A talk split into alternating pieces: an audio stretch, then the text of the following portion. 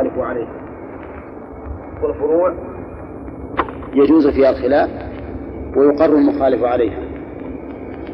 لكن شيخ الإسلام رحمه الله أبطل هذا التقسيم وقال إنه لا دليل عليه لا من الكتاب ولا من السنة. وأيضا فإن الخلاف وارد حتى في الأمور العلمية حتى في الأمور العلمية العقيدية ورد الخلاف. بين الصحابة ومن بعدهم. فمثلا ابن عباس رضي الله عنه ورد عنه أن أن النبي صلى الله عليه وسلم رأى ربه وعائشة أنكرت ذلك.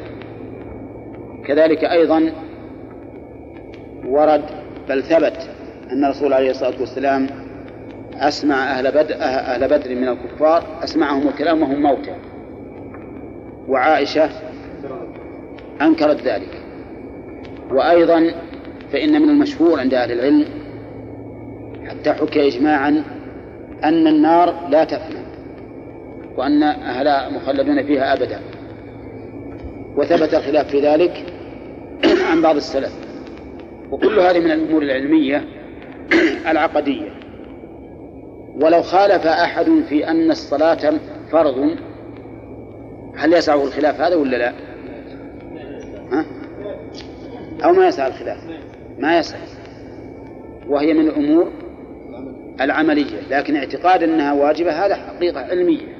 علمي وليس بعملي. فالمهم أن شيخ الإسلام رحمه الله يقول إن تقسيم الدين إلى هذا التقسيم لا دليل عليه.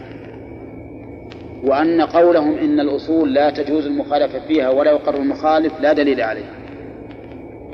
والمسألة ترجع إلى وضوح الدليل وعدم وضوحه.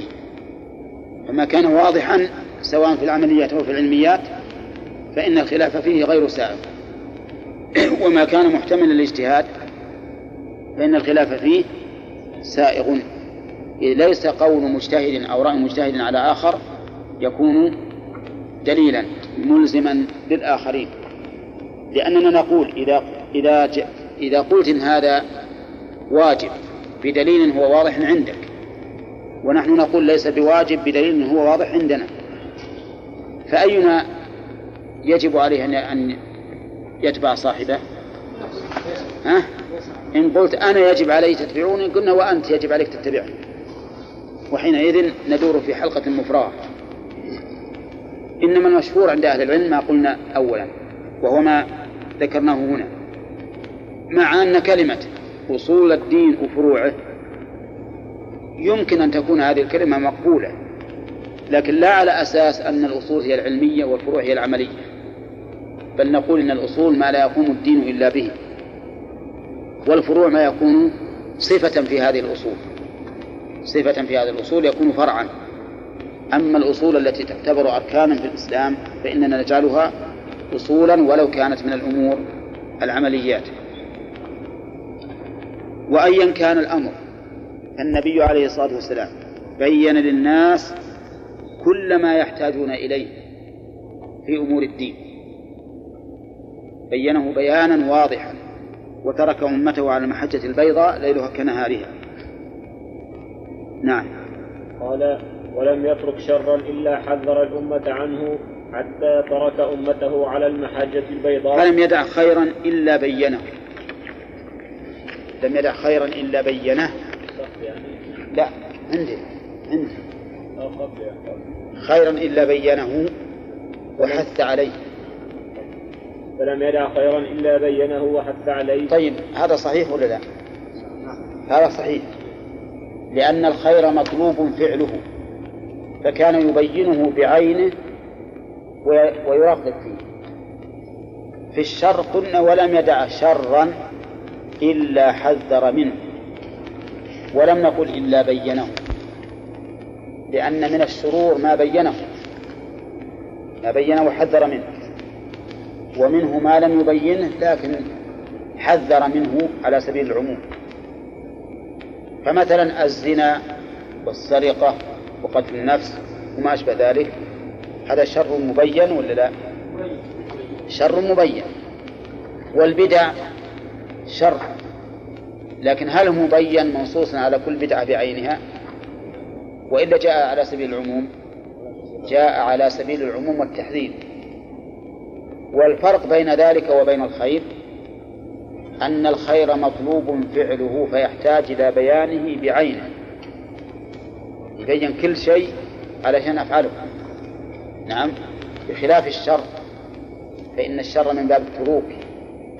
ومن باب التخلي فيذكر أحيانا مفصلا وأحيانا مجملا. وقد يقول قائل أن أن المجمل بين مبين لأنه إذا ذكرت قاعدة عامة دخل فيها جميع الأفراد. لكننا تحاشينا إلا بينه لأني كأني وجدت فيها ثقلا. إنه يقال الرسول بين الشر. بين الشر. فهو حذر من الشر على سبيل العموم. نعم. حتى ترك أمته على المحجة البيضاء ليلها كنهارها. ليلها. لا مبتدأ على المحجة البيضاء ليلها ما يصح هل يستقيم المعنى على على المحجة البيضاء ليلها؟ يعني على ليلها كنهارها؟ حتى ترك أمته على المحجة البيضاء ليلها كنهارها.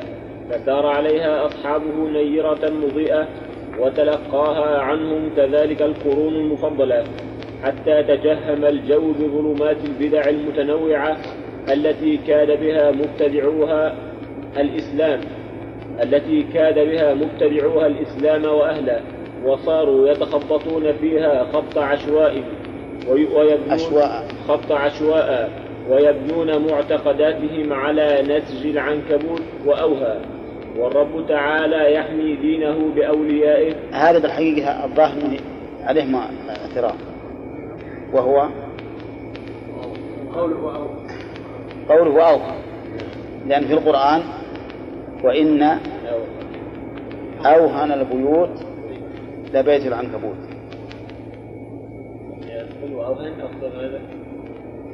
الأفضل حذفها. على أحسن تحذف. نعم ها؟ لا النسج هو العنكبوت هو البيت ولو كان على حجة على حجة نفس الشيء على نفس نفس الشيء يعني ما شيء مقصود. ها؟ اي لا لا مقصود. اي نعم. نعم شيخ نعم. وش خط عشر؟ ال- العشوى ال- التي لا تبصر تجد المت- المتخبط ما يدري. لا لا. العشوى العين العشوى أو أو صاحبه المعنى أن هذا ال- ال- العشوى هي التي لا تبصر فتجد صاحبه مثلا يتلمس يطيح بحيه يطيح بدرة يطيح بشوك يصل وصف الناقة نعم. وصف الناقة للناقة. إن كان يوصل الناقة يمكن ما أدري على وجه الأصل فيها لكن العشوى هي التي لا تبصر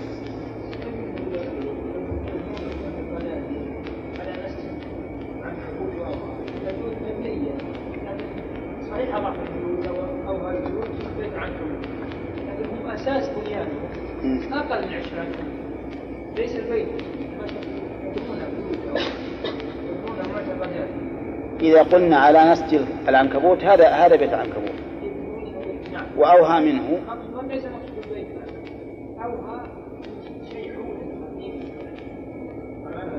ما ها؟ بنوا البيوت على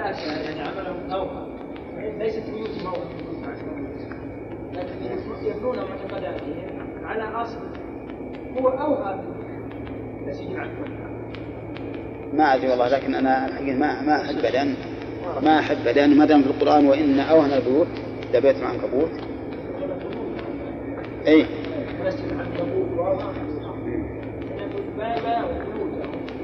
إيه. ها؟ مشبه هو مو بيوت المشبه في القرآن اللي قبل الأصنام عبادة الأصنام. مو بيوت مثل الذين اتخذوا من دون أولياء كمثل العنكبوت اتخذت بيتا وإن أوهن البيوت لبيت العنكبوت. هذه الأصنام أغ- مثل المعتقدات. أصنام الباطل مثل المعتقدات والله أنا رأيي إن إن إننا نحذفها ها؟ على أحسن ما دام فيها شبهة فالرب تعالى يحمي دينه بأوليائه. نعم. والرب تعالى يحمي دينه بأوليائه الذين وهبهم من الإيمان والعلم والحكمة. ما به يصدون هؤلاء الأعداء ويردون كيدهم في نحورهم فما قام أحد ببدعة إلا قيض الله وله الحمد من أهل السنة من يدحض من يدحض بدعته ويبطلها. يدحض وكان في مقدمة في مقدمة في مقدمة القائمين على هؤلاء المبتدعة شيخ الإسلام شيخ الإسلام تقي الدين أحمد بن عبد أحمد بن عبد أحمد بن عبد الحليم ابن, عبد السلام ابن تيمية الحراني ثم الدمشقي المولود في حران يوم الاثنين الموافق عشر عشر عشر عشر من ربيع الأول سنة 600 661 هجرية والمتوفى محبوس موافق عشرة؟ العشر إيه.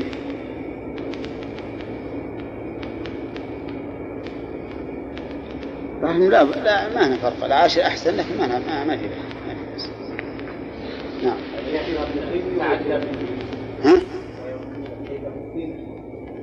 كيف؟ اي نعم. كيده في نحره نعم. والمتوفى محبوسا يصلح. تيمية وتيمية. يكون فيها التخفيف والتشديد.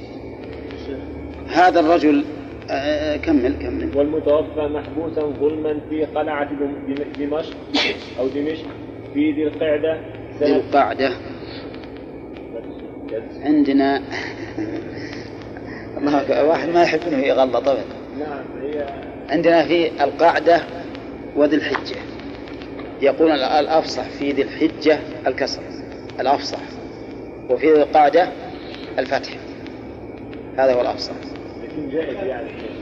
جائز لكن مرة لماذا في القاعدة إيه؟ ما يهم. مثل ما يخطئون إذا قلت تجارب تجارب وتجربة.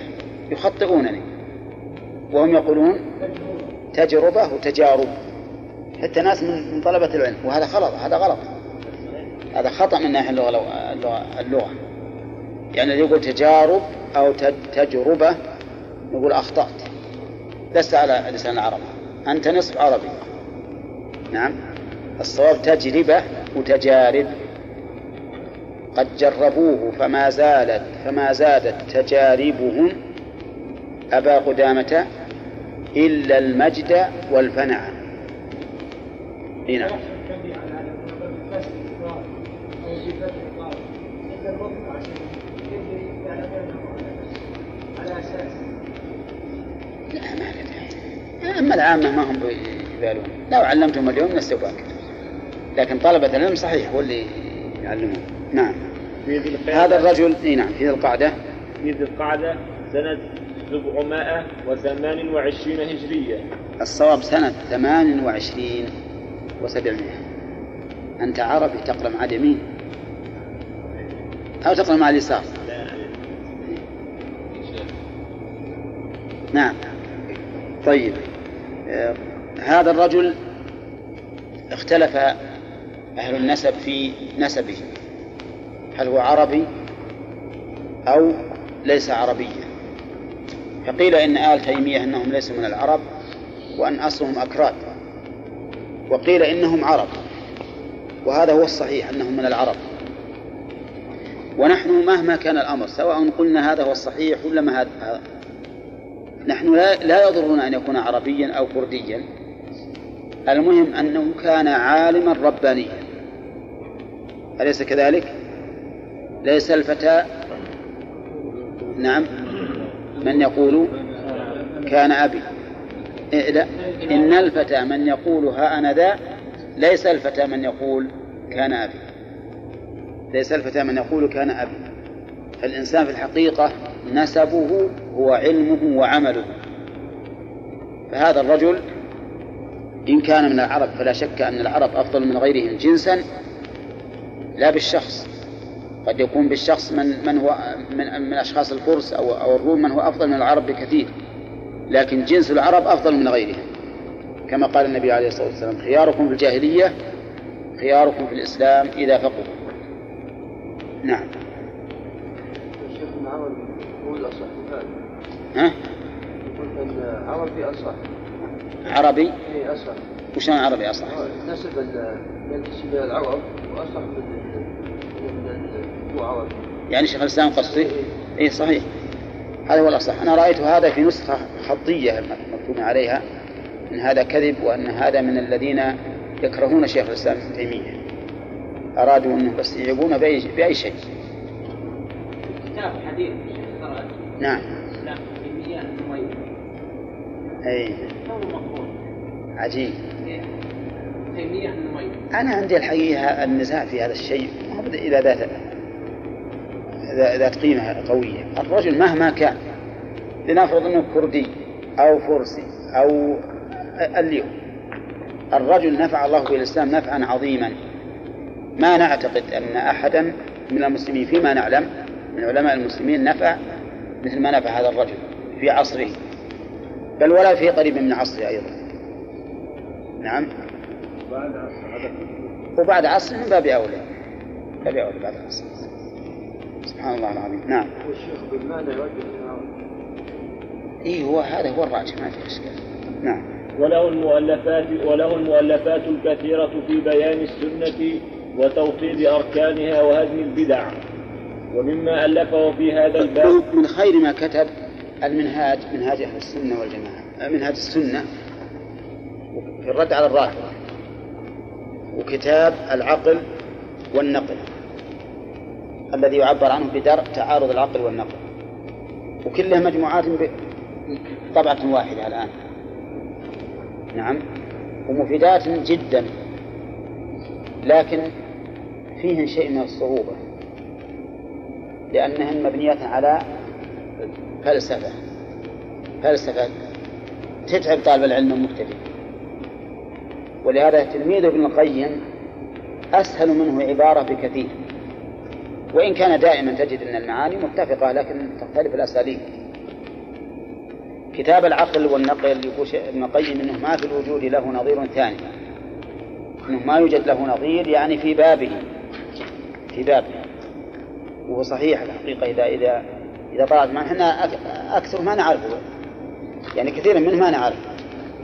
لكنه إذا طلعت رأيت إن الرجل عنده علم عظيم في العقل وفي النقل وفي استنباط الحجج. وهو قال في مقدمة الكتاب ما من صاحب بدعة يحتج بدليل إلا أنا ملتزم بأن أجعل دليله دليلا عليه. إذا كان من الكتاب والسنة.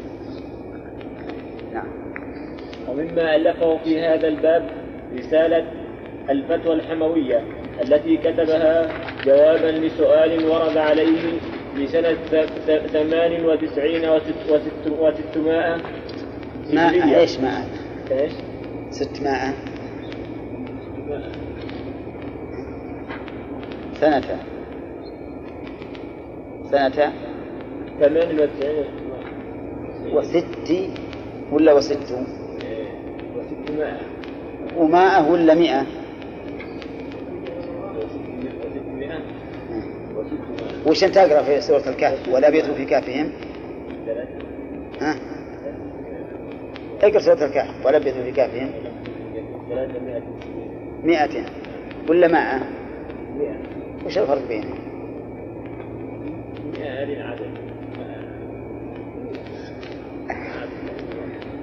ما في جواب. كلمة مئة فيها ألف تكتب ألف لكن ما ينطق بها. أضربها لكم هذه من الأشياء اللي تكتب ولا ينطق بها. إذا فهي اصطلاح حرفي فقط قصدي كت- كتابي أو خط. اصطلاح خطي لا ينطق به. وهذه مما يغلط فيه حتى طلبة العلم. دائما تجد طلبة العلم يقولون ست مائة ثمان مائة هذا غريب. رواية. ها؟ ما ورد يعني. إلا. ورد عن ابن جني أن فيها قولين. ها؟ لا. ويضمون ويضمون أول حرف بالنسبة للاخوان المصريين إيه. الخمس من 700 اي اي نعم. ولهذا سرت هذه الغلطة إلى إلى نقودنا. الن- الورقة هذه حقت 500 مكتوب فيها 500 يعني 20 ريال. قوله تعالى لبث خلق قال لبث 100 عام. اي 100 عام ما تقول 100 عام. فأماته الله 100 عام. ها؟ ها؟ إلى مئة ألف. إي معروف. هذا ما تبي إشكال. قول الله تعالى 300 سنين أو ثلاثمائة. 300 سنين إيه. كيف يقول يبدأ برقم صغير؟ إيه. يعني نقدر. أحسنت. ف- هذه مكتوبة اللي عندنا. ما دام مكتوب نجي على ما كتب. أما عندما ننطق بدون كتابة ف- فلا بأس نبدأ بالعدد الأكبر نعم. ثم إن ثلاثمائة ما, ما يمكن إلا تقول هكذا. كيف تبي تقول؟ لو قلت ثلاث لو قلت مئة وثلاث صار خطأ عظيم. هذا التسعة من بيان بيان تأكيد يا شيخ؟ أنت أنت قصدك ازدادوا تسعة ولا ثلاثمائة؟ لا 300 وزادت إلا لا لا ما لا دخل ازدادوا تسعة هذه جملة مستقلة. ما تقول 600 ما قال 309 سنين. لو قال 309 سنين صار فيها دليل. نعم. سنة. ها؟ ألف سنة إلا 50 عام. هي ما فيها دليل نعم. وكان التي كتبها جوابا لسؤال ورد عليه في سنة ثمان و- ثمان وتسعين وستمائة. أحسنت من من من حماة أو ح- من حماة. من حماة. بلد في الشام. يسأل ها؟ بالتاء ولا بالهاء؟ لا حماة. عند عند الوقوف بدون تاء. نعم. نعم. هذه نعت اللي قبله. إذا قلنا آه، 98 و600 هجرية إن كان منصوبا اللي قبله. في سنة فتقول في سنة ثمانية وتسعين آه، ثمان وتسعين وستمائة. ظاهر أننا نجعلها منصوبة. على كل حال لأنها وصف لموصوف محذوف والتقدير سنة هجرية. إذا إذا كان نعم. الناصب لسنة إذا كانت منصوبة فالناصب التمييز تكون منصوبة على التمييز. لكن هنا نشوف هي منصوبة ولا مجرورة ثمان وتسعين وستمائة هجرية بالكسر.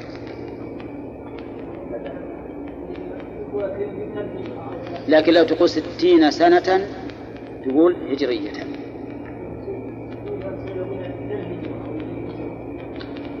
ما يخالف كله كله جائز. لأن هجرية نسبة إلى الهجرة. نعم. ما الأولى نكتب هذه الأرقام في؟ يعني تكتب بالعربية. آه ينطق بين يعني لا رقم. كتابة لا رقم. كتابة لا رقم. إيه بس هذا على سبيل الاختصار.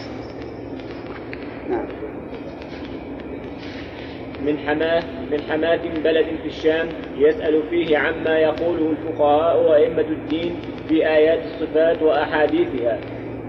فأجاب بجواب يقع في حوالي ثلاث وثمانين. حوالي كذا ح- في حوالي حوالي؟ مات. في حوالي. ها؟ في حوالي. إيه؟ في حوالي لا. ما تقولون في حوالي. نعم. اي نعم. في حوالي. وهذه أيضا نسمع دائما في الإذاعات. ها؟ حوالي. حوالي بالكسر. وهو لا يصلح. بالفتح. ها؟ حوالي 83 صفحة. أجل الصفحات تزيد على 83 أقل. أقل إيه. إيه والحين أكثر بكثير. حوالي أصل يا شيخ؟ قريبا يعني. لا يعني أصل الاشتقاق هل؟ أصلا من من من من حام حوله وجلس حوله أي قريبا منه. يعني. ثم جاءت ثم جاءت على هذا الصفة وألحقت بالمثنى إلحاقا. حواليه وصارت منصوبة دائما مثل دواليك ومثل لبيك وسعديك وما أشبه ذلك. الإعراب نقول هنا إيش؟ مبرورة عادي إن يكون منصوبة على الظرفية. بالياء لأنها ملحقة بالمثنى. جامد يعني. هي هي من حوله حوله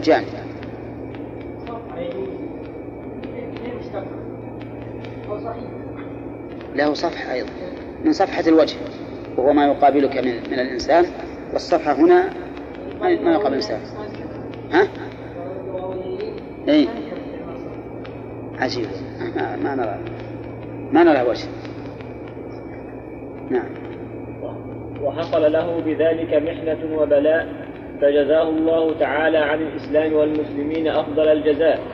ولما كان فهم هذا الجو... ولما كان فهمها فهم هذا الجواب والإحاطة به مما يشق على كثير من قرائه أحببت أن ألخص المهم منه مع زيادات تدعو الحاجة إليها وسميته وسميته فتح رب فتح رب البرية بتلخيص الحموية. وقد طبعته لأول مرة في سنة لأول. وقد طبعته لأول مرة في سنة ثمانين و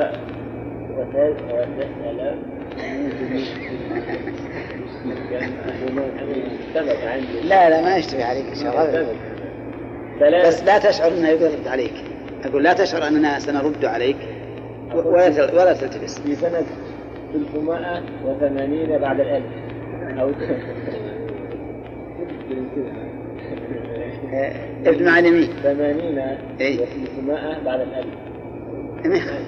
وألف أحسن من بعد الألف سنة ثمانين وثلاثمائة وألف. كيف؟ 300 إيه، مائة. غلطت يعني ثمانون. سنة ثمانين. هو يقول ثمانون؟ لا قلت الأول قلت يلا اقرأها الآن. وقد طبعته لأول لأول مرة في سنة ثمانين وثلاثمائة وألف أحسنت. هجرية. تمام. وها أنا وها أنا أعيد طبعه للمرة الثانية. وربما غيرت ما رأيت من المصلحة تغييره من المصلحة تغييره من زيادة أو حذف. والله أسأل أن يجعل عملنا خالصا لوجهه ونافعا لعباده إنه جواد كريم. الولي الفتوى الحموية هذه رحمة كتبها رحمه الله في قاعدة. واحدة بين الظهر والعصر. بين الظهر والعصر. لكن يقال إنها كانت أقل مما هي عليه الآن. وأنه بعد ذلك زاد عليها نقولا. وليس هذا ببعيد. فيكون أصل الكلام اللي في الفتوى أصله من الشيخ رحمه الله. وأما النقول فقد ألحقها بها أخيرا. لأنه نقل عن بعضهم ينقل عن بعضهم إلى ما يكون ثلاث صفحات أو أربع أو خمس من كتبهم. وهو يقول إنما نقلت هذا لا لأني أقول بكل ما يقول لكن لما صار بعض الناس منتسبا إلى طائفة معينة صار لا يقبل الحق من غيرهم.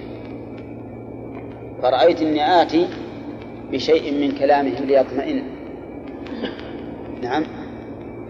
ولا شك أن من كان لا يقبل الحق إلا من طائفة معينة فإنه مشابه لليهود.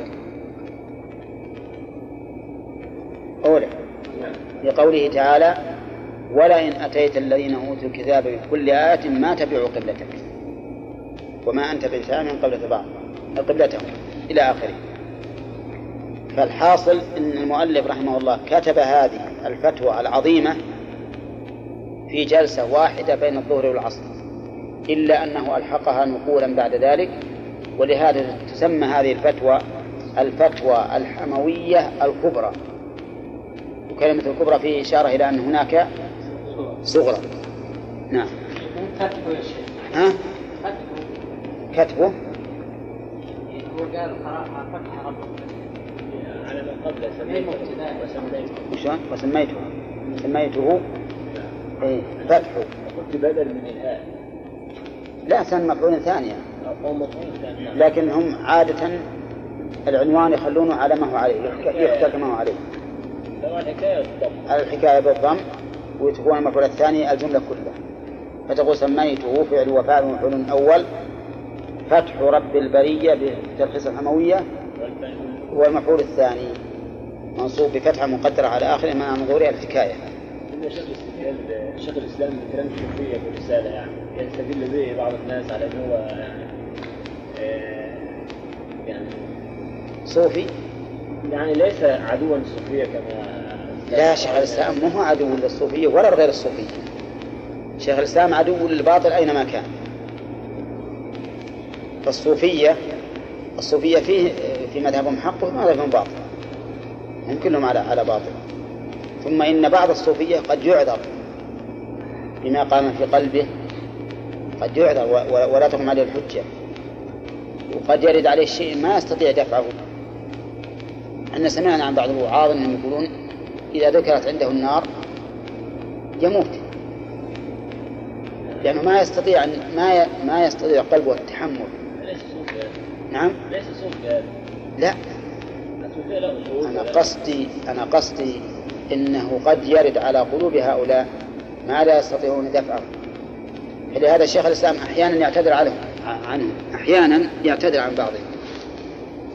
وقد رأيت تعليقا للشيخ محمد حامد الفقي رحمه الله مرة على كتاب شيخ الإسلام وجه العذر عن بعض الذين يتيهون في الصوفية بغير إرادة منهم فحمله على شيخ الإسلام حملة عنيفة. قال هذا ما يمكن أبدا.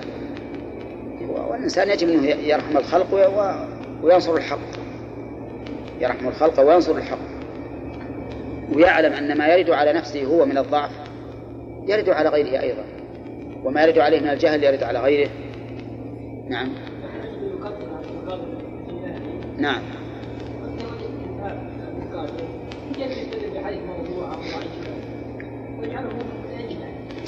هم هم بالحقيقة إما في بعض الأمور. أئمة في بعض الأمور عندهم نقص. ما هم كلهم كاملين ولا سيما الإنسان اللي ما يعتمد على على السنة يكون عنده خلل كثير. وتجد مثلا عندك الغزالي الآن عند بعض الناس يسمى إمام الأئمة. ها؟ وحجة الإسلام. وعنده في كتابه اللي, اللي يعتبر من من أفضل الكتب عندهم إحياء علوم الدين. عنده من من الخرافات والأحاديث الباطلة والموضوعة شيء كثير.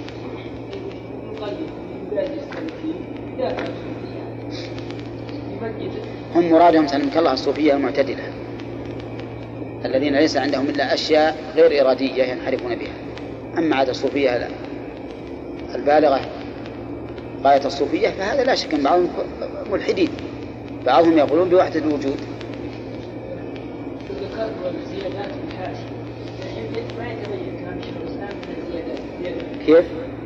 أنتم زدتوا عليه مع الزيادات لأنه كان يقول نعم نعم. زيادات ما تفهم ما تفهم. لا- لأن اعتبرنا أنها كتاب واحد. نعم هي بالنسبة بالنسبة للأصل تلخيص. يعني الذي نقل من أصله ملخص. وأما ال- الذي يزيد فهو طبعا خارج عن التلخيص لكن الذي يزيد بالنسبة للملخص لا ليس بشيء. يعني قليل جدا. ولهذا أتت كلمة ربما إن ما زدنا كثيرا. وشي إي نعم. إي نعم ورد في الحديث القدسي ذلك بأني جواد ماجد. إي نعم. نعم. لا ما هي بالتشديد. التخفيف جواد. لا لا هذا لحن دفاع عن أشياء لا شعورية وكذا. نعم. دفاع عن إن هو ياتيهم أشياء شعورية لا شعورية فينحرفون أو شيء من هذا. هل هذا وارد أصلا في الإسلام ان هو يأتي الانسان اشياء لا شعورية تجعله ينحرف عن الشرع أو- وهل هذا ورد في الرسول صلى الله عليه وسلم؟ يعني هذا والله على كل حال قد يعذر في هذه الحال لأنه لا لا يدري ما يقول ولكن رحمه الله تعالى الباب الأول فيما يجب على العبد في دينه الدين هو العمل العمل الذي يطلب العامل عليه الجزاء كل عمل تطلب عليه الجزاء فإنه دين. قال الله تعالى مالك يوم الدين. المراد بالدين هنا يوم الدين يوم الجزاء. وقال تعالى في في أن الدين عمل مثال من القرآن. قوله تعالى وغرهم في دينهم ما كانوا يفترون. وقال إن الدين عند الله الإسلام. وهذا هو هو المراد في هذا الباب. في دينه أي عمله الذي يريد الجزاء عليه. الواجب على العبد في دينه هو اتباع ما قاله الله وقاله رسوله صلى الله عليه وسلم. بقوله تعالى يا أيها الذين آمنوا أطيعوا الله وأطيعوا الرسول. ثم بعد ذلك الخلفاء الراشدون. ولهذا ما أتينا بقولنا وقاله الخلفاء. إيماء إلى أن طاعة الخلفاء تابعة لطاعة الله ورسوله. على وزان قوله تعالى يا أيها الذين آمنوا أطيعوا الله وأطيعوا الرسول وأولي الأمر. ما قال وأطيعوا أولي الأمر والخلفاء الراشدون المهديون. الخلفاء جمع خليفة وهم الذين خلفوا النبي صلى الله عليه وسلم في الولاية والهداية.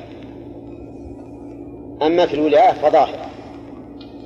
ومنهم الأربعة. أبو بكر وعمر وعثمان وعلي.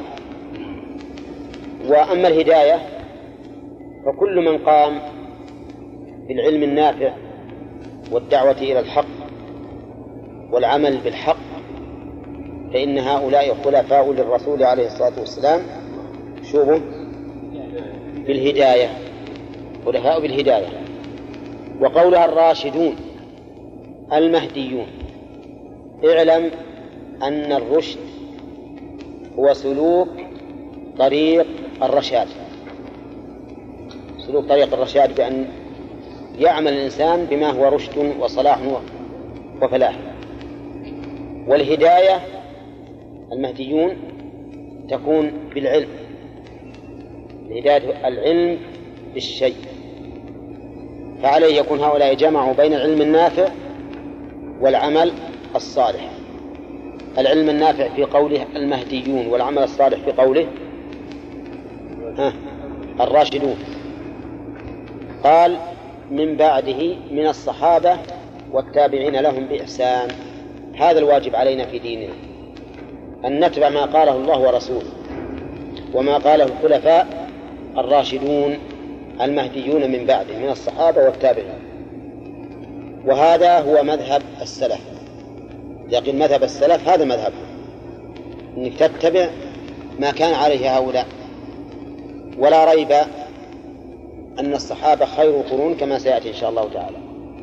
التعليل قال وذلك أن الله بعث محمدا صلى الله عليه وسلم بالبينات والهدى. البينات لا الآيات البينة على الدالة على نبوته. والهدى العلم. قال الله تعالى لقد أرسلنا رسلنا بالبينات. وش بعده؟ وأنزلنا معهم الكتاب والميزان ففي الكتاب العلم والبينات الآيات الدالة على أن هؤلاء من الرسل. قال وأوجب على الناس على جميع الناس أن يؤمنوا به ويتبعوه ظاهرا وباطنا. الدليل قل يا أيها الناس إني رسول الله إليكم جميعا الذي له ملك السماوات والأرض لا إله إلا هو يحيي ويميت. قل يا أيها الناس عامة أمر الله تعالى نبيه أن ينادي ويعلن لعموم الناس أن يقول إني رسول الله إليكم جميعا العرب والعجم بنو إسرائيل وغير بني إسرائيل كل الناس. رسول الله من؟ من؟ من الله جل وعلا؟ الذي له ملك السماوات والأرض. فإذا كان له ملك السماوات والأرض وأنا رسوله وجب عليكم أن تتبعوه لأن المالك هو الذي له السيطرة والسلطان على من؟ على المملوك. لا إله إلا هو أي لا معبود حق إلا هو سبحانه وتعالى. يحيي ويميت يحيي هل يلاقي الحي في المعنى ولا لا؟ إيش تقولون؟ يلاقي الحي في المعنى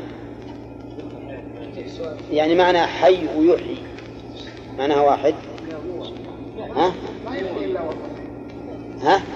لا دعنا من من, من لا الا حي لكن قصدي هل إن معنى يحيي معناها حي. لا الحي صفة بنفسه والمحيي صفة في غيره فهي من أفعاله من فهي من أفعاله. ولهذا ما جاء في القرآن محيي. وفي القرآن محيي محيي.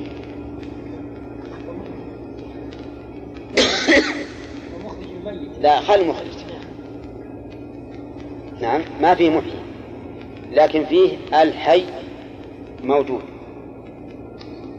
ولهذا ما نقول من أسماء الله المحيي إذ لا يشتق من أفعاله أسماء له كما لا نسميه الآخذ ولا الممسك ولا الباطش وما أشبه ذلك من الأفعال. ولهذا مر علينا في في العقيدة أن الصفات أوسع من الأفعال. أولى ها؟ الصفات أوسع من الأفعال. لوجهين. الأول أنه ما من اسم إلا وهو مقرون بالصفة. كل اسم فهو دال على صفة. وليست كل صفة دالة على اسم. أيضا الصفات تابعة لأفعاله وأفعاله لا نهاية لها. ما لا نهاية. بخلاف الأسماء. الأسماء ما نقول لها نهاية أو لا, أو لا نهاية لها لأنه ما نعرف. لأن من أسمائه ما استأثر الله به به وما استأثر الله بعلمه لا. لا نقول فيه شيئا. طيب إذن يحيي ويميت أي يجعل الحياة في غيره ويميت غيره. فآمنوا بالله ورسوله. النبي الأمي. يعني قولوا لهم. قل لهم آمنوا. ولا خطاب من الله مستأنف؟ الظاهر أنه خطاب مستأنف. فآمنوا بالله ورسوله النبي. وصفه الله تعالى بالرسالة والنبوة. وذلك أكمل وأبلغ. وإلا فإن كل رسول من من البشر فهو نبي وقولها الأمي هذا وصف مدح ولا وصف ذم؟ باعتبار النبي عليه الصلاة والسلام وصف مدح. لأن هذا مما يؤكد صحة رسالته. فهو إذن صفة مدح في الرسول عليه الصلاة والسلام. لكن في غيره؟ صفة نقص. ولهذا قال العلماء لا تصح إمامة الأمي. لا تصح إمامة الأمي. الإنسان إذا سمع أعوذ بالله ما سمع إذا الرسول ما تصح إمامته. نعم. نقول غير الرسول أمي لكن يقرأ القرآن. ومرادهم بالأمي أيضا الفقهاء الذي لا يحسن قراءة الفاتحة فقط. قال فآمن النبي الأمي الذي يؤمن بالله وكلماته عليه الصلاة والسلام. نعم هو أشد الناس إيمانا وأقواهم إيمانا وأخشاهم لله عز وجل. يؤمن بالله وكلماته كلمات جمع كلمة. كلماته الكونية أو الشرعية. ها؟ الكونية والشرعية. أما أما الكلمات الشرعية فهي ما أوحاه الله إلى الرسل وهي الكتب المنزلة. وأما الكلمات الكونية فهو ما يخلق بها جل وعلا. إنما أمره إذا أراد شيئا أن يقول له كن فيكون. فكل خلق فإنه مخلوق بالكلمة بكلمة والخلق لا نهاية له. نعم إذن الرسول عليه الصلاة والسلام يؤمن بالله وكلماته فيكون مؤمنا بالشرع وبالقدر صلى الله عليه وسلم. وهكذا يجب على كل مؤمن أن يؤمن بشرع الله وبقدر الله. نعم؟ طيب ثم قال واتبعوا لعلكم تهتدون. اتبعوا من؟ الرسول عليه الصلاة والسلام. فأمر بالإيمان به واتباعه. فآمنوا بالله ورسوله واتبعوه. أي اتبعوا الرسول عليه الصلاة والسلام. فالإيمان بالله ورسوله والاتباع للرسول. نعم طيب قوله لعلكم تهتدون. لعل هنا إيش معناها؟ تعليل. أي ل- لأجل أن تصلوا إلى غاية الاهتداء. لعلكم تهتدون. الشاهد من هذه الآية قوله فآمنوا بالله ورسوله النبي الأمي الذي يؤمن بالله وكلماته إيش بعد؟ واتبعوه فهذا واجب على كل مسلم. قال وقال النبي صلى الله عليه وسلم عليكم بسنتي وسنة الخلفاء. عليكم بمعنى إلزموا. فهي اسم فعل أمر. وقول بسنتي أي طريقتي. وليس المراد بالسنة هنا ما يقابل الواجب.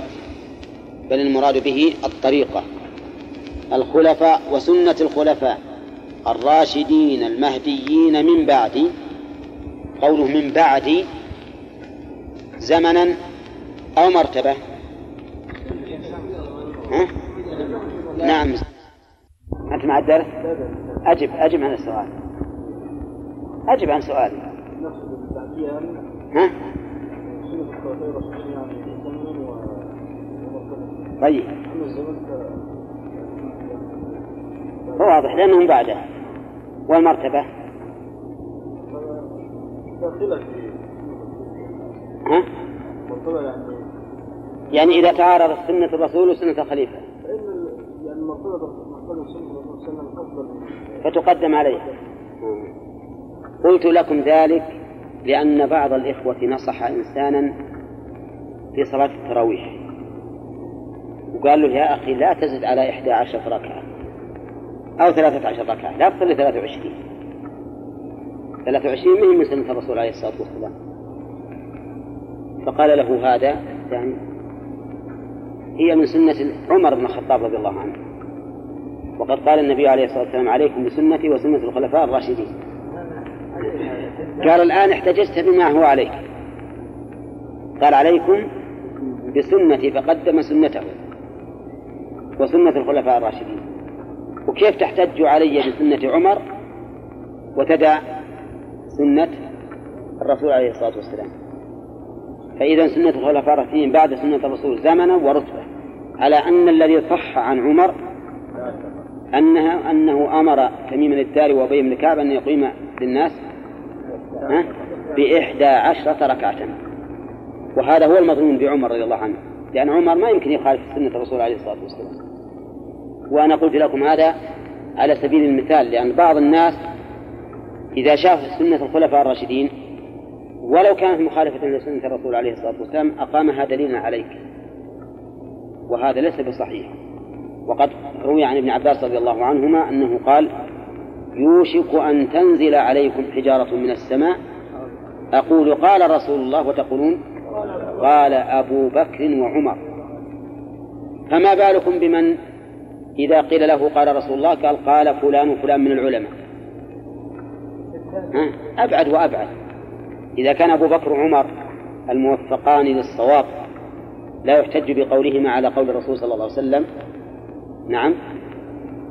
فكيف بغيرهما؟ بل إنهما هما رضي الله عنهما. لا يرضيان أن أحدا يحتج بقولهما على قول الرسول. وحينئذ يكون قولهما غير وارد. يكون قولهما غير وارد أصلا. أو ما فهمتم النقطة هذه؟ يعني نقول لمن احتج علينا بقول عالم من العلماء أو أو خليفة من الخلفاء على قول الرسول نقول هذا غير وارد أصلا. لأن هذا الذي احتجت بقوله لا يرى أن قوله يعارض به قول الرسول. هم بأنفسهم يقولون إما بقلوبهم أو بألسنتهم يقولون إذا جاء الحديث عن رسول الله صلى الله عليه وسلم فخذوا به واضربوا بقولي. عرض الحائط. ومن ثم صاروا أئمة. صاروا أئمة لهذا السبب لأنهم عرفوا قدر أنفسهم وعرفوا أنه لا مجال لهم أمام أمام كتاب الله وسنة رسوله. فلما عرفوا أنفسهم وتواضعوا لله نعم رفعهم الله. وصاروا أئمة بهذا. أما نسأل الله لنا ولكم السلام والعافية. الذي يريد أن يكون قوله أصلا وقول الله ورسوله فرعا فهذا في الغالب يخذل ويرد ويكون كما قال الله تعالى واتل عليهم نبأ الذي آتيناه آياتنا فانسلخ منها فأتبعه الشيطان فكان من الغاوين ولو شئنا لرفعناه بها. ولكنه أخلد إلى الأرض واتبع هواه. ما أخذ بما أنزل الله من الآيات التي أعطاه إياها. قال فمثله كمثل الكلب. إن تحمل عليه يلهث أو تتركه يلهث نسأل الله السلامة. نعم. طيب نمشي. ثم قال في الحديث تمسكوا بها وعضوا عليها بالنواجذ. ها؟ تمسكوا بها ها؟ الآن متمسكين بها؟ وفي قوله تمسكوا بها ما قال امسكوها إشارة إلى أنها نجاة مثل ما أتمسك بالحبل عند الغرق لأنجو به. سنة الرسول عليه الصلاة والسلام والخلفاء الراشدين نجاة. وعضوا عليها بالنواجذ علشان إن طلقت يديكم بقيت أضراس. نعم. وهذا من شدة التمسك. نعم. عاد يكون بعض بأضراسه ما يحتاج. المهم على كل حال كأن الرسول عليه الصلاة والسلام يقول تمسكوا بها بكل وسائل التعلق باليد وبالنواجذ. نعم. وهذا يراد به شدة التمسك بسنته وسنة الخلفاء الراشدين. واعلم أنك إذا فعلت ذلك انشرح صدرك للإسلام. واطمأن قلبك بالإيمان. وصار العمل لديك سهلا ميسرا. لكن كلما أعرضت صعب عليك العمل. صعب عليك العمل بقدر إعراضك. وسل الذين من الله عليهم بالهداية واتخذوا هذا الطريق سبيلا. هذا الطريق سبيلا. سلهم عن مشقة العبادات عليهم. سيقولون ها؟ سهلة. لكن سل المعرضين تقول صلوا فريضة في المسجد يرون أنها أثقل عليهم من أثقل الأشياء. إي نعم. آه، وإياكم ومحدثات الأمور فإن كل محدثة بدعة وكل بدعة ضلالة. إياكم تحذير محدثات الأمور في الدين. بدليل قوله عليكم بسنتي. أما محدثات الأمور في الدنيا فإن كانت معينة على طاعة الله فهي سبب ووسيلة. وإن أعانت على شر فهي سبب ووسيلة. وهكذا. وقول النبي عليه الصلاة والسلام كل بدعة ضلالة. كل بدعة. يفيد أن من قسم البدع إلى خمسة أقسام فإن تقسيمه مردود عليه. ما في بدعة حسنة. كل البدع ضلالة. وهذا كلام الرسول عليه الصلاة والسلام. ونحن نشهد بالله أنه أعلم الخلق. وأنه أنصح الخلق. وأنه أفصح الخلق. أليس كذلك؟ هل لو كان هناك شيء يستثنى من البدع هل يكون الرسول جاهلا به؟ أبدا. وهل لو كان هناك شيء من البدع مستثنى هل الرسول يكتمه عن الأمة؟ ها؟ أبدا. لو كتم لكان هذا خلاف المسلم. وهل لو كان شيء من هذه البدع مستثنى تكون العبارة هكذا بهذا التعميم؟ الرسول ما يعرف يعبر يعرف أحسن وهو أحسن تعبيرا من غيره. قال كل بدعة ضلالة. فإذا جاءنا أولئك الذين يقسمون البدع إلى خمسة أقسام أو ثلاثة أقسام وما أشبه ذلك نقول هذا غير صحيح. ولا نقبل منكم صرفا ولا عدلا.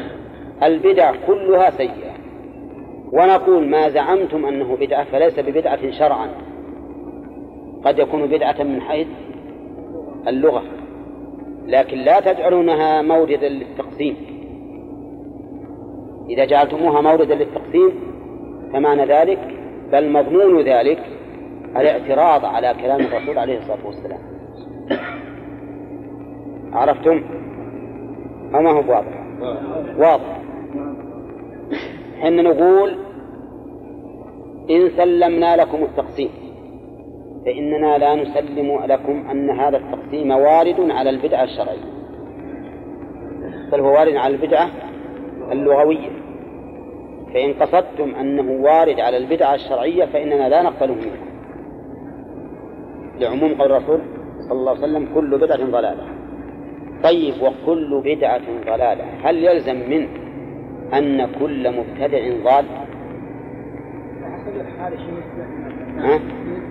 نعم. يطلق عليه ضلال نقول التضليل والتكفير والتفسير. هي في الحقيقة قسمان. قسم باعتبار الجنس وقسم باعتبار الشخص. فباعتبار الجنس يصح أن نقول كل مبتدع ضال. كل مبتدع ضال. أو فاسق أو كافر. حسب ما تقضيه بدعته وباعتبار الشخص والتعيين لا. نقول بدعته ضلالة لكن لا نصفه بالفسق أو الكفر حتى يوجد شروط التكفير وتنتفي موانعه. حتى يوجد شروط التكفير وتنتفي موانعه وأظن سبق البحث به قريبا. نعم. لكن ما ذهب إليه من البدعة نقول إنه كفر أو فسق أو ضلال حسب ما تقتضيه النصوص الشرعية ولا نبالي بهذا. لأن الله يقول فما بدا بعد الحق إلا الضلال. فإذا قلنا مثلا تحريف آيات الصفات عن ظاهرها ضلال. ربى علينا واحد وانتفخ انتفخت أوداجه واحمرت عيناه. وقال هل تقولون ابن حجر ضال؟ هل تقولون النووي ضال؟ هل تقولون السيوطي ضال؟ وش نقول؟ نقول هذا الشخص هو ضال. نقول نعم نقول أما قوله فهو قول ضلال. أما هو فإذا عرفنا منه النصح لله ولكتابه ولأئمة المسلمين حنا نقول هو مخطئ لكن ما نقول هو ضال لأن لأن يفهم من لفظ الضلال يفهم منه القدح والذم. فنحن قد نتوقف في وصفه بالضلال لكننا لا لا نصوبه وإن حسنت نيته. إذ لا يكفي في في قبول العمل حسن النية. ويكفي ما يكفي حتى يكون موافقا للشرع. من عمل عملا ليس عليه أمرنا فهو رد. نعم. نعم. نعم. أنه يوصف نعم. وإن كان معذورا لا ما ما ذكرنا. إلا أن فعله فعل ضلال. فعله فعل ضلال. ثم قال والخلفاء الراشدون هم الذين خلوا نكمل. والخلفاء الراشدون هم الذين خلفوا النبي صلى الله عليه وسلم في العلم النافع والعمل الصالح. حقيقة خلف الرسول في العلم النافع والدعوة والعمل. وهذا هكذا ينبغي أن يكون.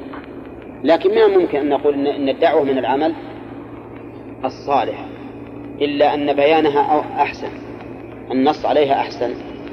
فهم الذين خلفوا النبي عليه الصلاة والسلام في العلم النافع والدعوة إلى إلى الحق والعمل الصالح.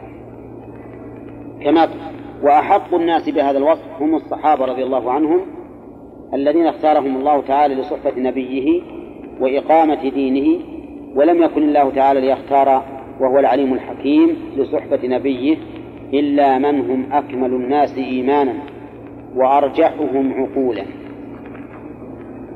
خلافا لمن قال إن هؤلاء بمنزلة السذج والعامة وأن العقلاء هم الذين أخذوا عن الفلاسفة. هذا العقل اللي يعرفون المقدمات والنتائج وإذا حصل كذا صار كذا وما أشبه ذلك.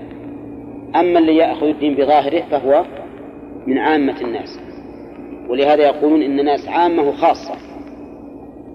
العوام دول اللي أخذوا دينهم على ظاهره والخاصة هم الذين أخذوه عن طريق العقل والجدال والخصومات. والحقيقة أن الأمر بالعكس الذين أخذوا الدين على ظاهره واستسلموا لله عز وجل ظاهرا وباطنا هم أهل العقل. أما ذلك اسألهم عند الموت. يقولون أكثر الناس شكا عند الموت والعياذ بالله أهل الكلام. هم أكثر الناس شكا عند الموت. ها؟ أهل الكلام. ما تعرفهم الظاهر. ها؟ عشان لا تعرف خلهم يروحون هذا لهم أكثر الناس شكا. أي أهل الجدال. لأنهم والعياذ بالله بانين عقائدهم على على غير شريعة. يقول كذلك هم أقومهم عملا. الصحابة أقوم الناس عملا. لا شك في هذا. وكذلك أمضاهم عزما. ما هنا أحد أمضى من الصحابة في العزيمة أبدا. سيوف قاطعة باترة رضي الله عنهم. ولهذا انظر لما رجعوا من من الخندق. متعبين. من الجوع. والحصار. والأعمال والمجاهدة. فجاء جبريل النبي عليه الصلاة والسلام وأمره أن يخرج إلى بني قريظة. ندبهم إلى الخروج وقال لا يصلي أحد العصر إلا في بني قريظة. بيوم قالوا والله نبي نتلين اليوم يا الرسول صلى الله عليه وسلم. يا رسول الله. ها؟ خلينا نتلين ما بدنا نحط رحلنا حتى نقول بعد روحوا واطلعوا. لا راحوا على طول. وقالوا ما نصلي إلا في بني قريظة. رضي الله عنهم. ولما أصيبوا بما أصيبوا به يوم أحد وقيل لهم إن الناس قد جمعوا لكم فاخشوهم فزادهم إيمانا وقالوا حسبنا الله ونعم الوكيل. واستجابوا لله من بعد ما أصابهم وللرسول من بعد ما أصابهم القرح. نعم وانتدبوا. القتال. هذه هذه العزائم الحقيقة. عزائم الرجال المؤمنين المخلصين. أما اللي توانى ويتكاسل ولا شك أن من بعدهم أقل منهم في هذا الأمر. وإن كان حصل منهم جهاد التابعين في زمن الخلفاء الراشدين لكن أقل من الصحابة بكثير. ولولا الصحابة ما مشى هؤلاء ولا تقدموا. نعم. طيب هم أهداهم طريقا. صح ولا لا؟ حقا. أهدى الأمة طريقا الصحابة رضي الله عنهم. بلا منازع. ولهذا أعطاهم النبي عليه الصلاة والسلام الخيرية المطلقة. فقال خير الناس قرني. ثم الذين يلونهم ثم الذين يلونهم. قال فكانوا أحق الناس أن يتبعوا بعد نبيهم صلى الله عليه وسلم ومن بعدهم أئمة الدين الذين عرفوا بالهدى والصلاح. في عهد الصحابة رضي الله عنهم ما خرجت البدع. البدع اللي انتشرت كبدع الجهمية وشبهها صحيح خرج في عهد الصحابة بدعة الخوارج. وخرج في عهد الصحابة بدعة القدرية. معتزلة اللي اللي يقولون الأمر أنف ما في كتابة ولا شيء. لكن البدع الكبيرة اللي خرجت أخيرا كانت بعد عصر الصحابة رضي الله عنهم. ولهذا لا يعرف للصحابة كلام في كثير من مسائل الصفات اللي حصل فيها الجدل أخيرا لماذا؟ لأنه ما ما وجد سبب لأن يتكلموا فكانوا على مقتضى ظاهر القرآن والسنة يمشون على ظاهرها ولهذا لو قال لنا قائل مثلا في بعض الأشياء اللي ما ما حصلت إلا أخيرا وين كلام الصحابة فيها؟ يقول كلام الصحابة فيها نعتقد علم علم اليقين. أنهم ماشون فيها على إيش؟ على ظاهر الكتاب والسنة. ماشون على ظاهر الكتاب والسنة. لأنه لو كان لهم ما يخالفون لنقل. فهم ماشون. أمامهم قرآن وأمامهم سنة مشوا عليها. نعم. ولهذا اللي أدركوه في زمن اللي أدركوه في زمنهم أخبروا بحكمهم. ابن عمر لما أخبر عن الذين ينكرون القدر قال أخبرهم أنه أنهم ليسوا بمؤمنين. لأن النبي عليه الصلاة والسلام قال الإيمان أن تؤمن بالله وملائكته وكتبه ورسله واليوم الآخر والقدر خيره وشره.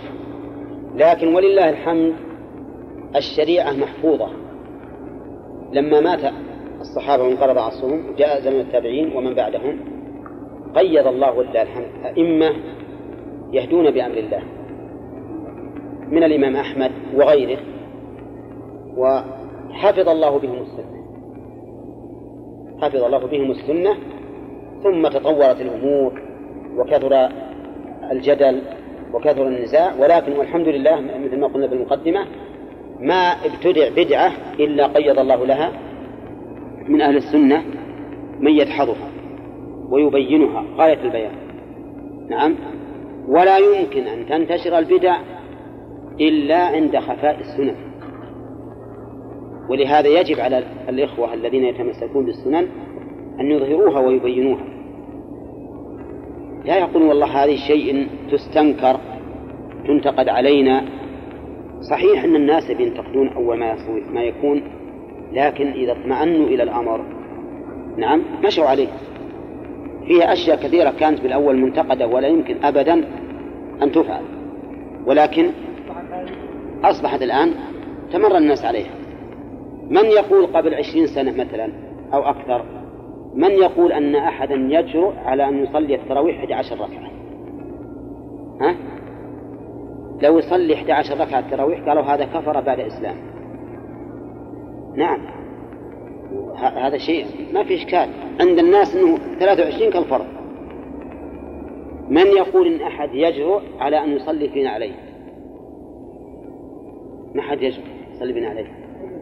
ولا ولا أنه يدخل المسجد بنا كذا من يقول إن أحد يجرؤ على أن يسجد للسهو بعد السلام. لكن السنن تفعل شيئا فشيئا ويطمع الناس لها بالقول والبيان ثم البيان بالفعل. وتثبت السنة وترسخ. نعم. ها؟ بالنظر إلى العموم أو بالنظر إلى كيف؟ بالنظر إلى العموم أو النظر إلى الأفراد لا للعموم يعني العلم العلم هم كل الصحابة علماء سأل امرأة أثني على شيخ الإسلام؟ قال أثني على شيخ الإسلام إيه؟ قال أحد الحاضرين هل هو أعلم من الصحابة؟ إيه؟ في العلوم التي بعدهم هو أعلم منهم العلوم التي نشأت بعدهم لا شك أنه أعلم منهم أما في علوم الشرع العامة فالفقهاء من الصحابة أعلم منه. لكن ما نقول إن ما نقول إن كل صحابي حط هذه يا حسين هي العلوم. ذي حطها هي العلوم ذي ما تنكسر ذي ذي. حطها هي العلوم. ها؟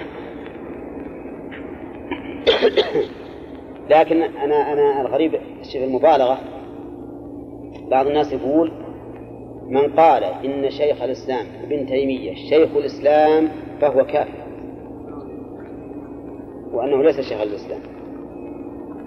وبعض الناس يقول كل وسأل الثاني سئلت عنه.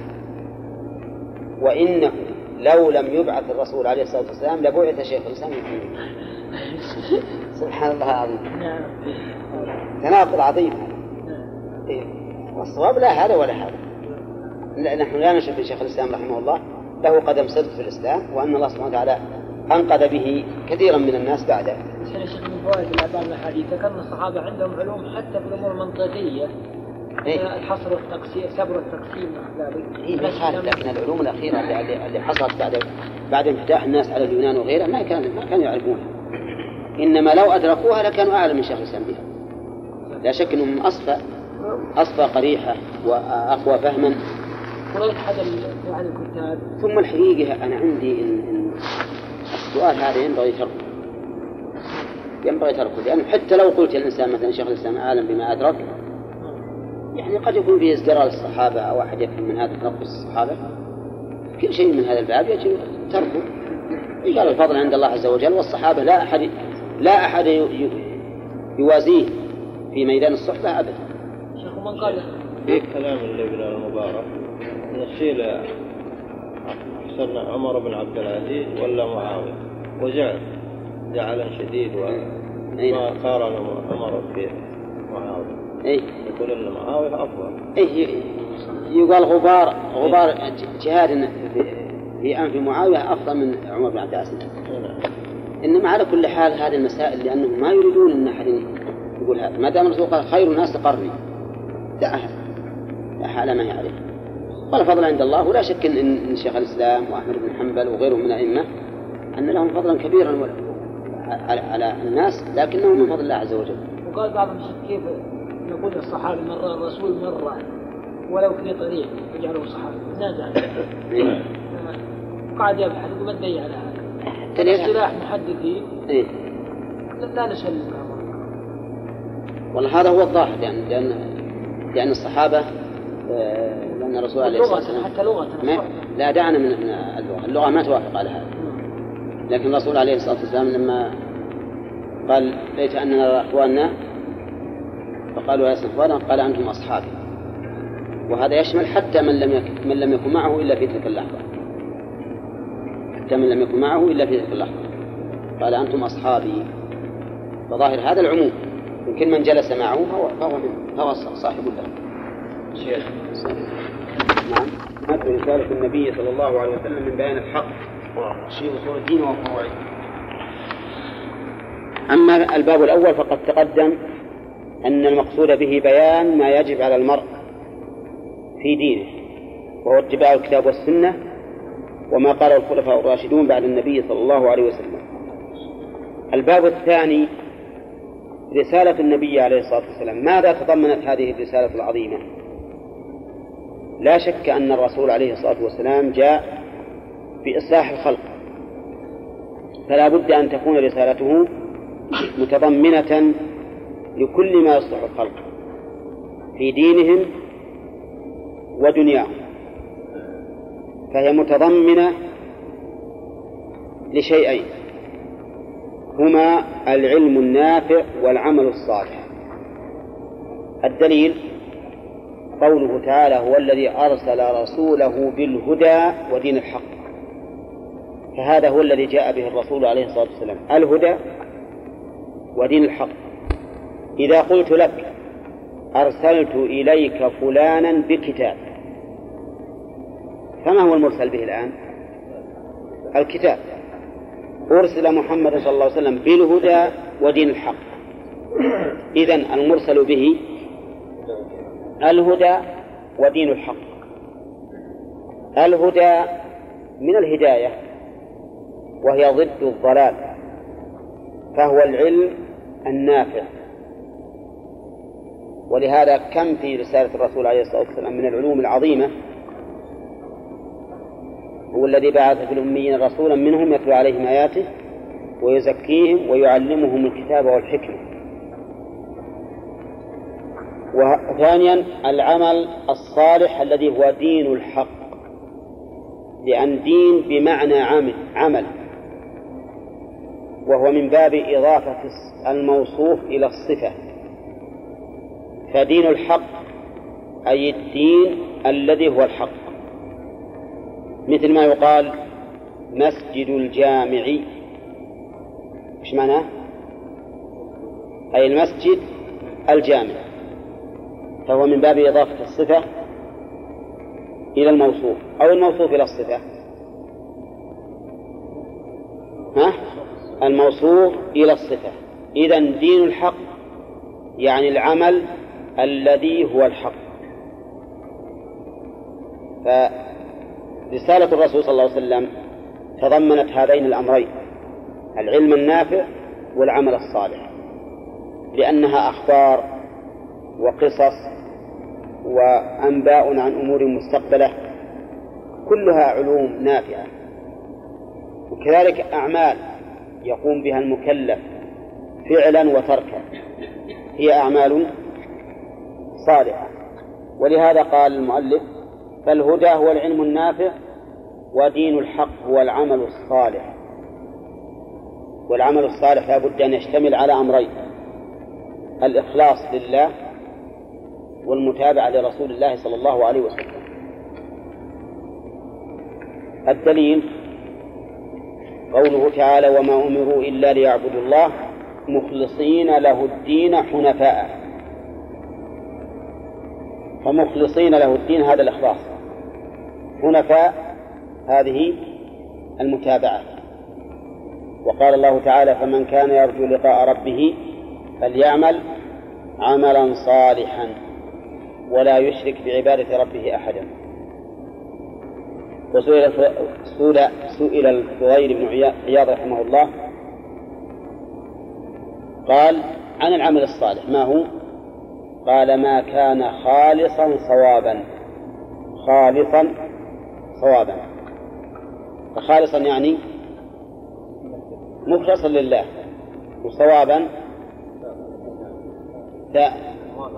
موافقا للسنة. ويدل لذلك أيضا قول رسول الله صلى الله عليه وسلم إنما الأعمال بالنيات وإنما لكل امرئ ما نوى فمن كانت هجرته إلى آخره. وقوله من عمل عملا ليس عليه أمرنا فهو رد. هذا في المتابعة. طيب وقوله المتابعة لرسوله صلى الله عليه وسلم يشمل السنن والواجبات لكن السنن على سبيل الكمال والواجبات على سبيل ها؟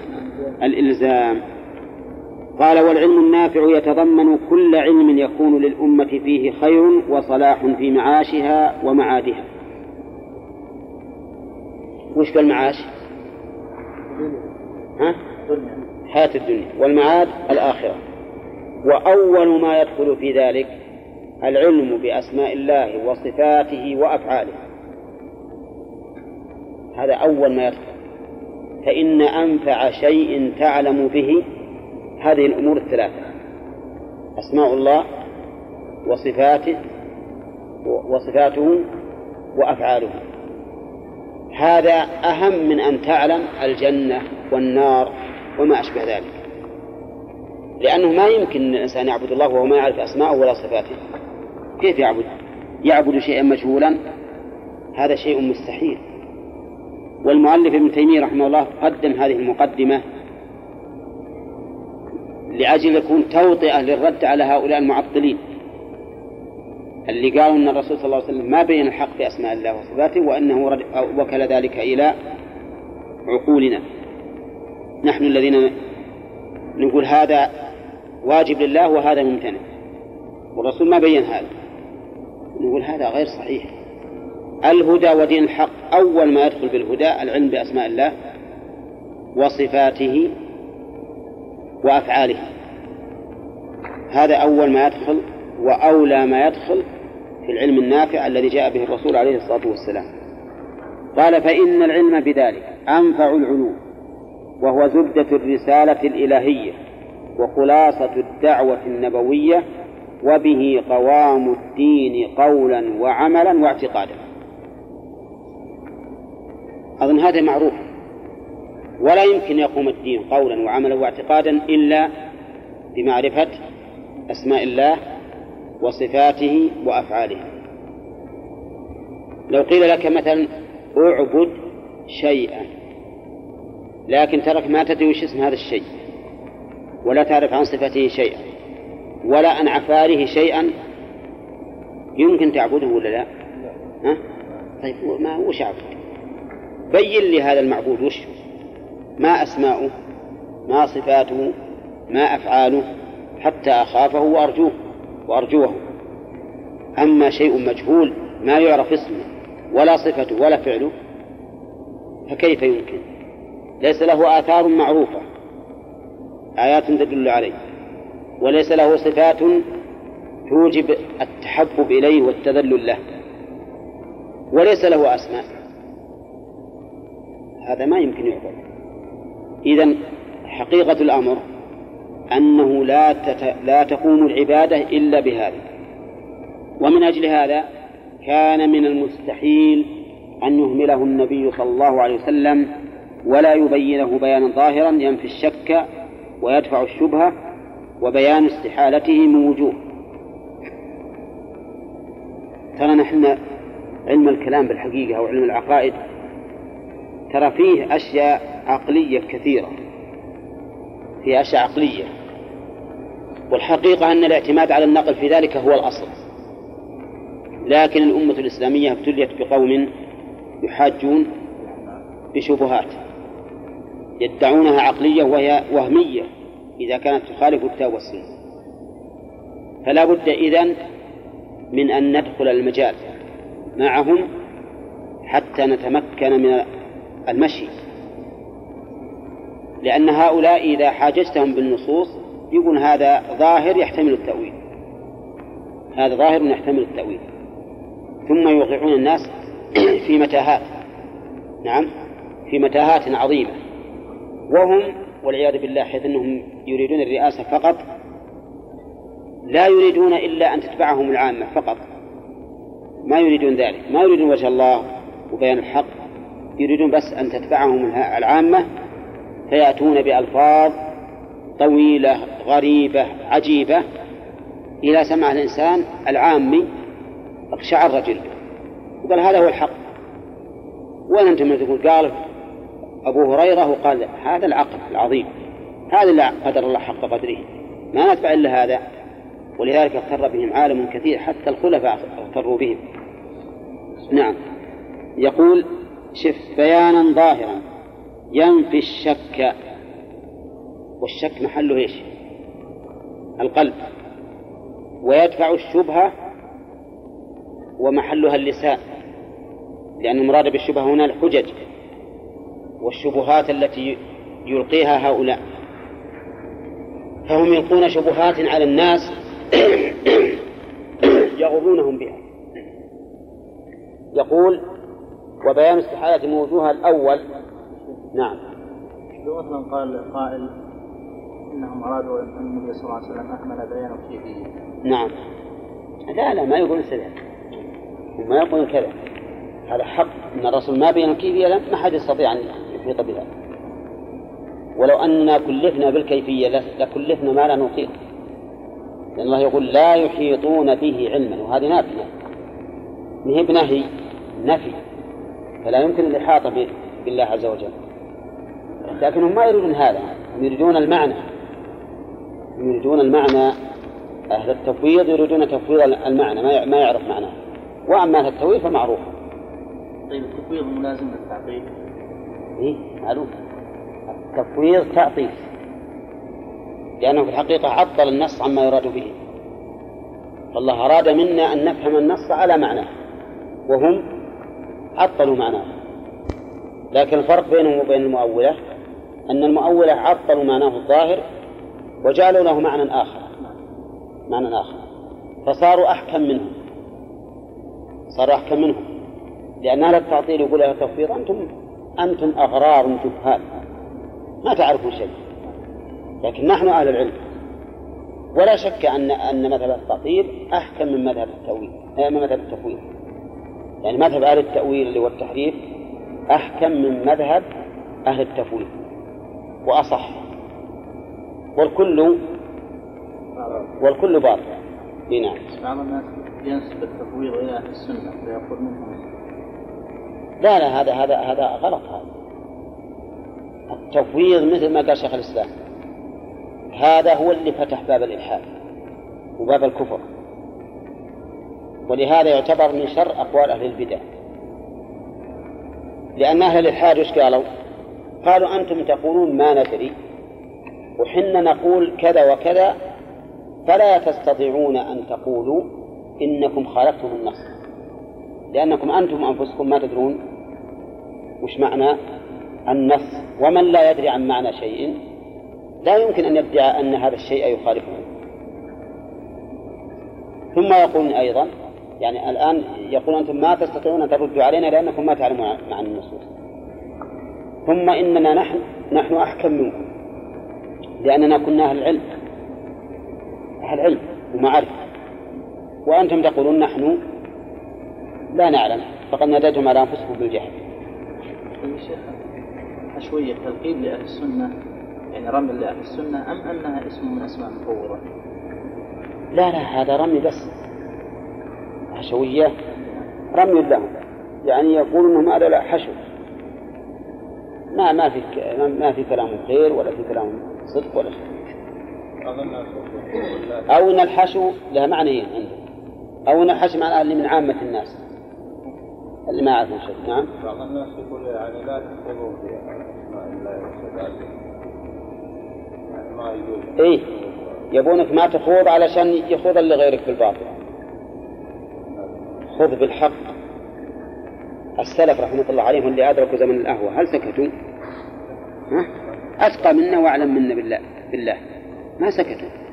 صحيح الصحابة ما تكلموا بهذا لأنه ما ظهر في وقتهم هذا الشيء. يقرؤون كتاب الله وسنة رسوله عليه الصلاة والسلام على ما ظهر منهما.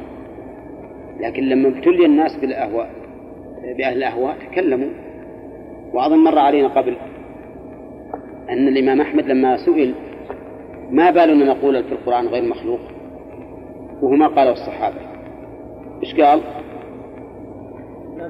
قال نقول هؤلاء لأن هؤلاء يقولون مخلوق.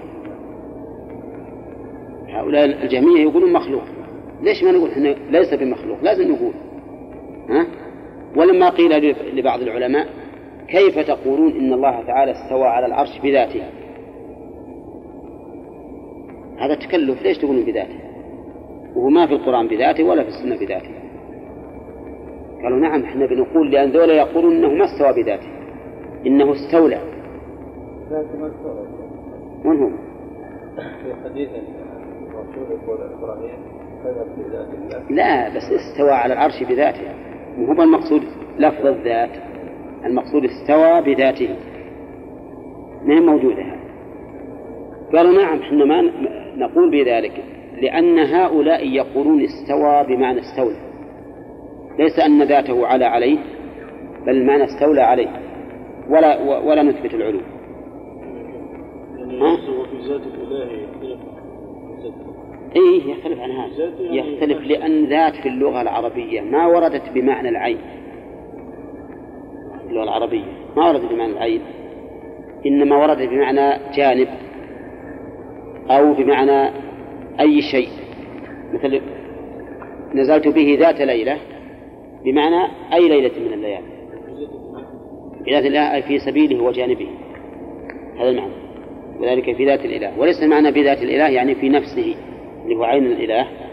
لا ولهذا ذات في اللغة العربية الفصحى بمعنى صاحبة في الأصل. تأنيث ذو تأنيث ذو. لكن حقيقة الأمر أنك عندما تقسم وتقول ذات وصفات فلا حرج.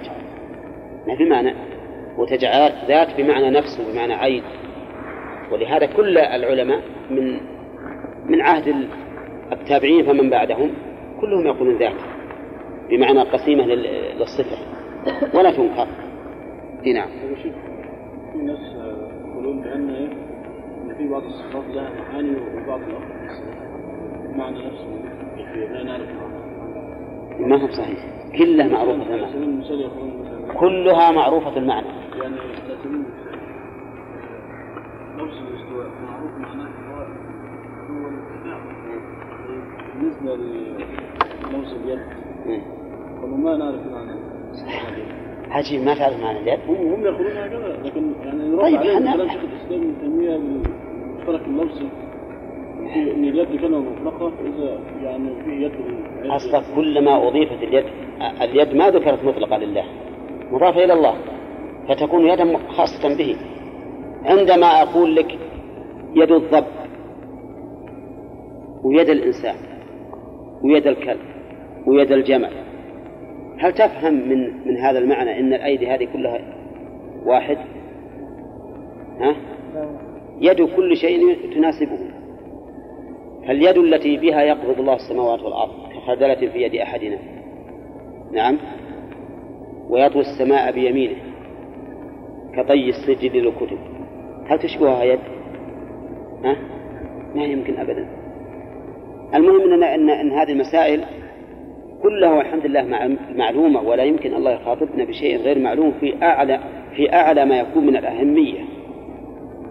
أعلى ما يكون من الأهمية معرفة الله بأسمائه وصفاته. فلو قلنا أنه يمكن أن يخاطبنا الله بما لا نعلم صار القرآن ما نزل إلا عبثا في هذا الباب. إلا عبث. إي نعم على كل حال أمامنا شيء من هذا النوع. ننتظر حتى نصل إليه. نعم. شيء متعلق هذا الموضوع. طيب يعني بالنسبة الذين يقولون بأن القرآن ظن الإيه؟ ظن الجلالة يعني على أساس أن الأحكام مختلفة والناس مختلفة مم. وهذا يفسر تفسيرات كثيرة فهنا كيف يرد عليه؟ نرد عليهم بأن بأن كون هذا الشيء ظنيا أو يقينيا أمر نسبي أمر نسبي فهذا النص مثلا يكون عند شخص يقينيا وعند آخر ظنيا وعند ثالث مترددا فيه وعند رابع مجهول. المعنى إطلاقا. ما يعقل له معنى إطلاقا.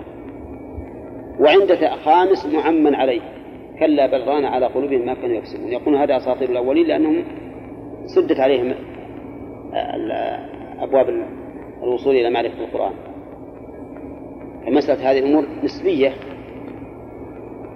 يعني بعض الأحيان تكون الدلالة عندك تكون الدلالة عندك في هذا النص قطعية ما في أشكال عندك مثل الشمس. وعند غيرك ظنية بل قد بل قد يستدل به على خلاف ما تقول. هذا غير صحيح. هذا غير صحيح. صحيح أن النصوص فيها شيء عندك قطعي وعندك وبعض الأحيان ظني وأحيانا يتبين لك في بعض الأحيان أنه قطعي وفي بعض الأحيان تنسى وجه الدلالة ويصير عندك ظني. أحيانا نفس الإنسان يتردد في النص الواحد. يكون في يوم من الأيام عنده قطعي الدلالة لوجوه يذكرها في ذلك الوقت. ثم ينسى هذه الوجوه في وقت آخر ويكون عنده ها ظني الدلالة أو ربما يتوقف فيه. هذا أمر معلوم يعني كلنا أحد يعرفه من نفسه. أمر عقلي فطري. هنا. آه، وطيب يقول الأول أن رسالة النبي صلى الله عليه وسلم كانت مشتملة على النور والهدى. موافقون على هذا؟ يا أيها الناس قد جاءكم برهان من ربكم وأنزلنا إليكم نورا مبينا. فهي نور وهدى وبينات. بعثه الله بشيرا ونذيرا وداعيا إلى الله بإذنه وسراجا منيرا. سراجا لهبته ضئيلة. يلا تشاف ها؟ ولا لا؟ منيرا أصلا مو بس سراج فقط. سراج منير. ينير كل ما يبلغه. قال حتى ترك أمته على المحجة البيضاء. المحجة بمعنى